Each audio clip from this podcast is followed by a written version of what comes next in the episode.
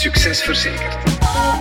Welkom bij Succes Verzekerd, een videopodcast van Van Breda Risk and Benefits, waarin we verzekeringsexperten aan de tand voelen over nieuwe risico's en over continuïteitsuitdagingen voor ondernemingen.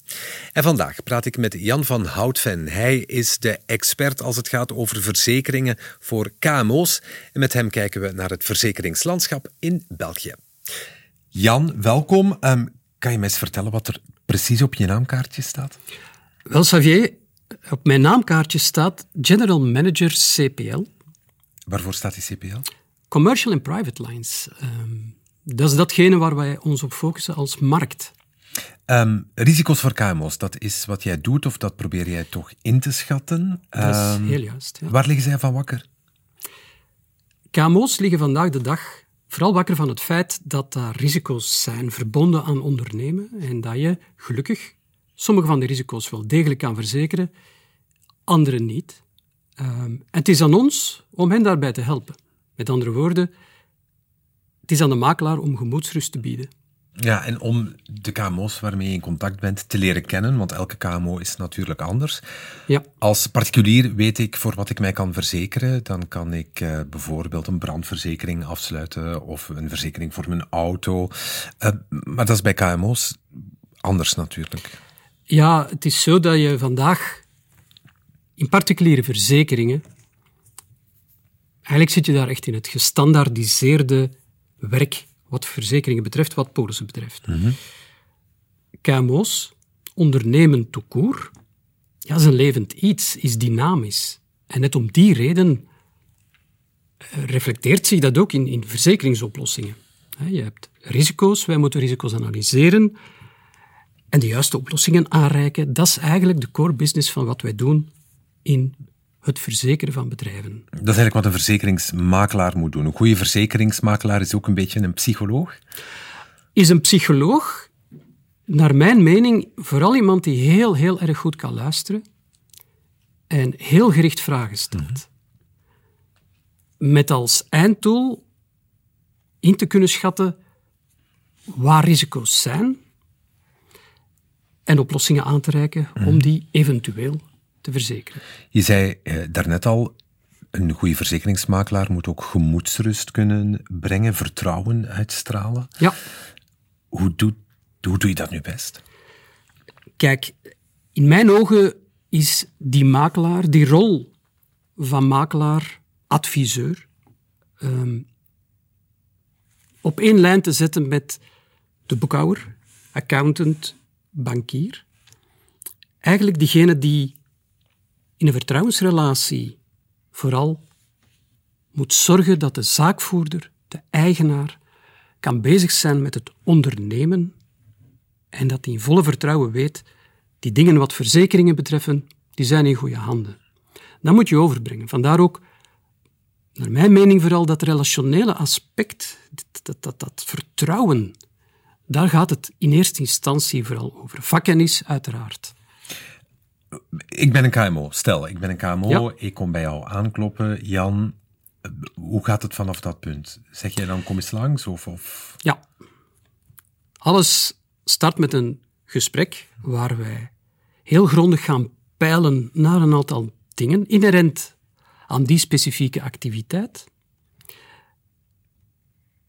Vragen stellen, kijken. In, in een um, eerder productiegericht bedrijf zullen wij ook altijd vragen om eens een rondgang te kunnen krijgen. Omdat uiteindelijk onze taak bestaat erin om dingen te traceren, te detecteren. Om risico's te zien. Risico's Juist. die de ondernemer zelf misschien niet altijd ziet. Klopt. Dat hij in de flow van zijn dagelijkse business met heel andere dingen bezig is. En wij moeten oog hebben voor die zaken die gekoppeld worden aan risico's, om vervolgens een oplossing te bieden, die te verzekeren. Maar een bedrijf verandert, toch in het beste geval, als die wat mee wil met de tijd. Hoe vaak gaan jullie dan terug bij zo'n bedrijf om te kijken of alles nog wel klopt in de portefeuille? Eigenlijk is het het opzet altijd om de klant te dwingen, met zachte hand natuurlijk, um, ons één keer per jaar minimaal te zien. Um, de bedoeling daarvan is door heel het dossier te gaan, door alle lopende verzekeringspolissen, en te evalueren hoe dat die nog echt wel up-to-date zijn. En tegelijkertijd de polsen naar, zijn er dingen die bewegen binnen de onderneming die maken dat er andere verzekeringsoplossingen uh, voorhanden moeten zijn. In een verzekeringspakket um, loop je altijd het risico dat je dingen niet hebt afgedekt of dat je dingen twee keer hebt verzekerd, terwijl dat misschien niet nodig is. Mhm. Elke KMO is anders, hè, daar hadden we het al over. Kan je dat concreet maken aan de hand van een voorbeeld? Ik, ik kijk naar het landschap van de KMO's en de verzekeringen vanuit het perspectief dat men het meest gebaat is om totaalklant te zijn bij één adviseur. Waarom? Omdat je net vanuit dat één enkele punt kan observeren of alles ook wel terdege is afgedekt, niets dubbel is verzekerd en geen hiaten ontstaan zijn. Ik geef een voorbeeld. Uh, je hebt een aansprakelijkheidspolis afgesloten bij de ene partij om iemand iets te gunnen, hè, want zo, zo gaat het toch vaak. Um, en je hebt tegelijkertijd een uh, bestuurdersaansprakelijkheid via een ander kanaal afgesloten. Aan zich verdedigbaar vanuit het commerciële aspect van de zaakvoerder-ondernemer, maar tegelijkertijd zeker niet verstandig, omdat je in bepaalde claimsituaties kan komen waar de beide wel degelijk bij betrokken moeten worden. Dan kan je best vanuit één iemand die het totaalbeeld heeft van de risico's, van de schade, van de contracten, zodat je niet met die jaten zit of dubbele dekking, want dan betaal je gewoon te veel premie. Ondernemingen zullen een soort basispakket hebben aan verzekeringen die voor elke onderneming hetzelfde is, neem ik aan. Maar dan van, vanaf dat punt vertrek je natuurlijk richting niches. Hè. Hoe zit dat voor die niche-markten? Voor niche-markten zijn we eigenlijk in 1997 al, dus al een hele tijd terug, um, gestart met het idee: laat ons een sector zeer, zeer grondig bekijken in functie van wat soort schades bestaan er bijvoorbeeld in supermarkten. Wat komt er vaak terug? Waar zitten vaak dingen die gewoon niet verzekerd werden, die, die over het hoofd werden gezien? Bepaalde clausules. En we proberen dat allemaal samen te brengen. Vervolgens bij een risicodrager, een verzekeraar, te deponeren. Met de vraag om daar eens grondig naar te kijken en mee te stappen in ons verhaal. En dan proberen we dat te distribueren naar die specifieke doelgroep in de wetenschap dat we vanuit het verleden gekeken hebben naar risico's. Schades, dat we die in feite heel netjes hebben uitgeschreven in clausules die we toegevoegd hebben aan producten die reeds bestonden, om dan echt die sector um, te benaderen met onze, noem het dan, de supermarktpolis. Supermarkten misschien, enfin, misschien kunnen we dat voorbeeld er, erbij houden. Maar wat zijn nu schadegevallen die je vaak ziet terugkomen? Bij supermarkten bijvoorbeeld, is koelschades, een, een, een, rode draad doorheen de schadedossiers. Uh, koelschades, waar je van merkt dat daar te weinig dekking voor was in de polissen die wij standaard hadden lopen. Dus door toevoeging van limieten die meten op te trekken en de wordings van de polissen wat aan te passen, vatten we daar het gros van dat soort schades wel mee in de polissen. Zodat we zeker weten, oké, okay, wij kunnen met uh, rechte reden zeggen dat we een specifieke polis hebben waar het verzekerbare ook mee is vervat. Want er is ook zoiets als het niet verzekerbare dus. Ja, Ehm, Wat doe je daarmee? de, de, illusie dat, dat ook alles van A tot Z verzekerbaar is, het woord zegt het zelf, dat is ook een illusie. Er bestaat nog altijd zoiets als het ondernemingsrisico. Dat is inherent aan het, aan het zaken doen. Je hebt ook dingen die je gewoon niet kan afdekken. En wat je daarmee doet, is vooral in een gesprek met de klant erop wijzen dat bepaalde zaken echt niet door verzekeringspolissen kunnen opgelost worden. Omdat je nooit genoeg dekking kan betalen voor wat het misschien ooit zou kunnen gaan kosten? of wat is daar dan de oorzaak ja, van? dat is zeker een factor. Eh, sommige dingen zijn ook gewoon geen risicodragers voor te vinden. ondernemingsrisico's zijn wat ze zijn. Ehm, dus er zit nog een stukje eigen er zit verantwoordelijkheid een stukje in. eigen verantwoordelijkheid in, maar ik vind het ook altijd belangrijk om in gesprekken met klanten heel erg te wijzen op wat niet verzekerd is. Ehm, en of niet verzekerbaar is, zodat we tenminste in elkaars ogen kunnen blijven kijken in de wetenschap. Oké, dit doet zich voor. We hebben dat allemaal wel bepraat in het verleden. Dan weten we waar we aan toe zijn. En zet je dat ook op papier? Van dit Wij- hebben we besproken en dit is dat- onverzekerbaar? Wij zetten dat ook netjes op papier om vooral heel transparant en duidelijk te zijn. Ja, want dan, je wil dat vervelende gesprek niet moeten hebben. Nee, voilà. je wil vooral later. ook niet geconfronteerd worden met verwijten die je eigenlijk eh, had kunnen vermijden. Ja. Stel dat een KMO niet gedekt is hè, voor een bepaald schadegeval, misschien omdat het niet te verzekeren viel, of misschien was dat het hiaat hè, dat in Ja. het pakket zat. Wat gebeurt er dan? Ehm, we traceren altijd de risico's. We gaan kijken naar wat verzekerbaar is en we gaan in gesprek en we gaan op dat moment de beslissing natuurlijk overlaten aan de ondernemer over wat die dan wenst te verzekeren. We noteren ook netjes wat wel, maar vooral ook wat niet. Stel, je hebt iemand die een brandpolis heeft onderschreven, maar die bedrijfsschadeverzekering na brand wel bekeken heeft, maar bewust die kost niet heeft willen maken. Dat wordt netjes bevestigd en als enkele jaren later blijkt dat bij een effectieve brand die bedrijfsschade wel een nuttig iets was geweest, ja, op dat moment gaan we natuurlijk wel opnieuw in gesprek met het voorstel van kijk, ja, we hadden misschien beter, maar dit is het moment om het dan toch wel te doen. Ehm, dat zijn situaties die zich, jammer genoeg, wel regelmatig voordoen. Hè. Vindt elke verzekeraar een KMO en omgekeerd? Of zijn er verzekeraars die zeggen, kijk, met, met dat soort KMO's gaan wij om bepaalde redenen niet in zee? Ja, er zijn verzekeraars die de mainstream van de KMO's, van de activiteiten wel willen verzekeren, maar bepaalde activiteiten liever niet. Ik geef een voorbeeld. Iemand vinden vandaag om taxis te verzekeren, dat is geen evidente zaak. Iemand vinden om bussen, autocars te verzekeren, is geen evidente zaak. Dat zit allemaal in eh, het hoofdstukje verkeer. Heeft het daarmee te maken? Ehm, vaak wel. Ehm, je hebt ook bepaalde risico's in brandverzekeringen. Bedrijven die actief zijn in bepaalde productieeenheden of opslag van, van zaken die snel vuur vatten, waar het ook moeilijk is om een verzekeraar te vinden. Brandgevoeligheid. Brandgevoeligheid is een component. Ik geef een heel extreem voorbeeld. Iemand die een opslagplaats heeft vol vuurwerk. Dat is geen evidente om daar een, eh, een risicodrager of zelfs meerdere risicodragers voor te vinden. Dat je dat risico eh, spreidt over verschillende verzekeraars. Dat is een optie. Het is zelfs een feit dat je soms tot een, bepaald, een bepaalde capaciteit kan raken. Bijvoorbeeld 80% van het kapitaal dat je zou moeten verzekeren. Je hebt vier verzekeraars nodig, maar dat restantje, die 20%, die blijft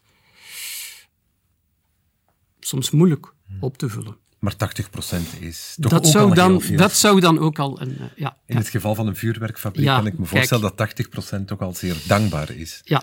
als verzekerde bedrag. Ehm, het verzekeringslandschap in België, hè, verschilt dat heel veel van dat van onze buurlanden of als we breder kijken, de wereld? Ehm, vandaag de dag in België stel ik vast dat we toch wel atypisch zijn. Ehm, dit is een land waar de makelaar nog altijd bovenaan de lijst staat van de distributie van verzekeringen. Dat is zeker niet altijd zo in de ons omringende landen, waar de rol van bijvoorbeeld direct verzekeraars of bankverzekeraars eh, veel sterker is. Ook ehm, de digitale verkoop, de online verkoop van verzekeringen, heeft een groter marktaandeel in andere landen, bijvoorbeeld Groot-Brittannië, dan bij ons in, eh, in België. Hoe komt het dat die digitalisering zich dan minder sterk doorzet bij ons? Ehm, het accent in digitalisering bij ons ligt heel erg in de back-office taken, administratie, schadebehandeling, waar digitaal betekent sneller, efficiënter. De voordelen van de klant uiteraard. In het salesproces um, blijkt heel duidelijk dat vandaag de dag in België de eindklant vooral vertrouwen heeft in dat persoonlijke. In dat, dat, dat fysieke contact fysieke is nog contact, altijd heel belangrijk. Face-to-face gesprekken. Dat je samen door een aantal dingen doorgaat. En veel minder het kopen van verzekeringen online. Veel, veel minder. Van Breda is, is een grote organisatie. Ehm, nochtans, uh, wordt daarvan gezegd, hè, dat is toch ook een digitale pionier. Maar tegelijk hoor ik je zeggen, dat, dat fysieke contact, dat lokale contact, als ik het zo mag noemen, dat is wel nog belangrijk. Hoe mhm. rijm je die twee met elkaar? Want dat zijn wel twee verschillende werelden. Ja, dat zijn twee verschillende werelden. Nu, ik, ik, we zijn vertrokken met het idee van wat is het verschil tussen particuliere verzekeringen? Veel meer gestandaardiseerd versus de bedrijfsverzekeringen. Particuliere verzekeringen digitaal aanbieden is geleidelijk aan van grond aan het komen. Omdat je daar makkelijker kan vergelijken. Een autoverzekering is een autoverzekering en dan kijk ik wat erin zit en wat niet. Terwijl een KMO meer persoonlijke aanpak vraagt. Veel meer maatwerk vraagt. En dat digitale aspect vandaag start op. Uh, boomt nog zeker niet, zoals in Groot-Brittannië of zoals in Nederland toch ook wel.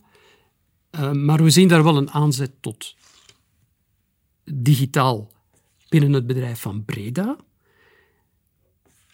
Speelt in op die particuliere markt. Tegelijkertijd heel erg georiënteerd naar die efficiëntie van onze administratie en schadebehandeling. Geen enkele sector is voor altijd en gelukkig maar. Dat betekent dat dingen aan het veranderen zijn. Dat is natuurlijk ook zo voor de markt van de verzekeringen, zeker verzekeringen voor KMO's. Waar eh, zie jij die shift vooral gebeuren? Um, je bedoelt concreet welke dingen vandaag op tafel komen die we in het verleden minder gezien hebben? Ja, of? ja ik zal die vraag misschien uh, herstellen. Um, geen enkele markt. Um, geen enkele markt wil stilstaan, nee, want uh, nee. dat wil je niet. Hè. Je wil groeien, je wil uitbreiden. Dat is ook zo voor de markt van de verzekeringen van KMO's. Ja. Uh, waarin zit die verandering in het type verzekeringen dat, dat, dat aangeboden wordt? Je hebt enerzijds inspelen op nieuwe tendensen in de maatschappij. Kijk naar het verzekeren van cyber, phishing, etc. Fraudepolissen, gekoppeld aan cyber. Het zijn nieuwe dingen die we in het verleden niet hadden. Een ander voorbeeld um, is het verzekeren van de bestuurdersaansprakelijkheid van leden van de Raad van Bestuur van bedrijven. Jaren geleden was het een issue op het niveau van de Sabenas van deze wereld. Geleidelijk aan heeft zich dat ook doorgezet naar de KMO, die ook duidelijk notie heeft van het feit dat de risico's zijn verbonden aan het ondernemen, dat er aansprakelijkheden voort kunnen vloeien die hij niet altijd helemaal in de hand heeft, en bijgevolg dat ook op de taille van dat soort bedrijven Polische bestuurdersaansprakelijkheid kunnen afgesloten worden. Een ander voorbeeld. De bedrijven met enkele honderden werknemers. Er is het algemeen goed al jaren om groepsverzekeringen af te sluiten voor de werknemers. Plannen met medische kosten verzekerd. Ook dat zijpelt meer en meer door naar de kleinere KMO, gerelateerd ook aan de war vertellend. Je wil mensen aanwerven. Je wil ook mensen aanwerven met ervaring, competenties die misschien bij grotere bedrijven hebben gewerkt, die daar een groepsverzekering hadden. Of een medisch kostenplan. Ja, die gaan bij het recruteren dan natuurlijk mee op tafel leggen. En zo zien we ook die tendens dat dat meer en meer in de niche van de echte KMO ook een nood wordt. En wat zie je de komende jaren nog veranderen in die markt? Um, de tendens die we observeren, en ik denk niet dat dat de consument altijd ten goede komt, is dat er minder en minder verzekeraars zijn. Dat betekent dat het aanbod het tegen elkaar kunnen uitspelen of vergelijken van, als maar beperkter wordt. Dus in mijn ogen zou het erg belangrijk zijn dat opnieuw daar de markt meer speelt. Dat er meerdere verzekeraars zijn die, een, ehm, die opnieuw op de markt bij ons komen en die met nieuwe producten misschien, met, met, met, met een andere aanpak, proberen hier ook hun plaats te vinden. Dat is voor de komende jaren, voor de situatie nu. Dankjewel voor al die informatie, Jan van Houten. Graag gedaan. En dan wil ik u heel graag bedanken voor het kijken en of luisteren. Het laatste woord is voor de CEO van Van Breda Risk and Benefits, Pedro Matijnsens. Dit is zijn blik op de zaak. Het beschermen van wat KMO's dierbaar is, zit al meer dan 80 jaar in het DNA van Van Breda. Wij zijn niet groot en sterk geworden door vanaf ons ontstaan multinationals of grote corporates te verzekeren. Nee, wij zijn gegroeid samen met de KMO's. En de KMO's in België vertegenwoordigen in alle opzichten tewerkstelling, toegevoegde waarde en andere ongeveer de helft van de economie. Wij beschermen wat KMO's dierbaar is, in goede en in slechte dagen. En in zekere zin zou je kunnen zeggen dat het slechte tijden zijn. En in slechte tijden zijn er sommige risico's nog groter dan anders. Ik wil graag één risico eruit lichten: aansprakelijkheid, op het belang daarvan wijzen en aantonen hoe het belangrijk het geworden is om dat risico goed te verzekeren. Het is belangrijk dat goed te verzekeren om de volgende redenen. Ten eerste, een vierde van de KMO's zal naar alle waarschijnlijkheid dit jaar verlies leiden. Wel nu, de leiding van de KMO, de zaakvoerder-eigenaar, de bestuurders, zijn verantwoordelijk en ook aansprakelijk in het geval van een incorrecte financiële rapportering. Ten tweede, KMO's en veel KMO's leven in een perfecte symbiose met grote bedrijven. Die grote bedrijven zijn door Europese regelgeving verplicht om uitgebreid te rapporteren over duurzaamheid. En in het kader daarvan zullen zij ook aan de KMO's, die hun leveranciers zijn, veel vragen stellen over de impact op milieu, op de sociale aspecten en op de governance. De aansprakelijkheidsrisico's loeren daar opnieuw om de hoek. Ten derde, 2022 was in België ook het jaar van de MeToo-rechtsspraak. En in dat klimaat komen er ook steeds meer groepsvorderingen die aanvankelijk een valse start kenden in België, maar die nu meer op en meer op gang komen. In deze omstandigheden is het erg belangrijk om een aansprakelijkheidsverzekering voor een KMO goed te regelen. Wij zouden op dezelfde manier kunnen ingaan op het groeiend belang van cyber- en fraudeverzekeringen. Kortom, het goed verzekeren van risico's voor KMO's met specialisten die kennis van zaken hebben, is iets wat Van Breda na aan het hart ligt.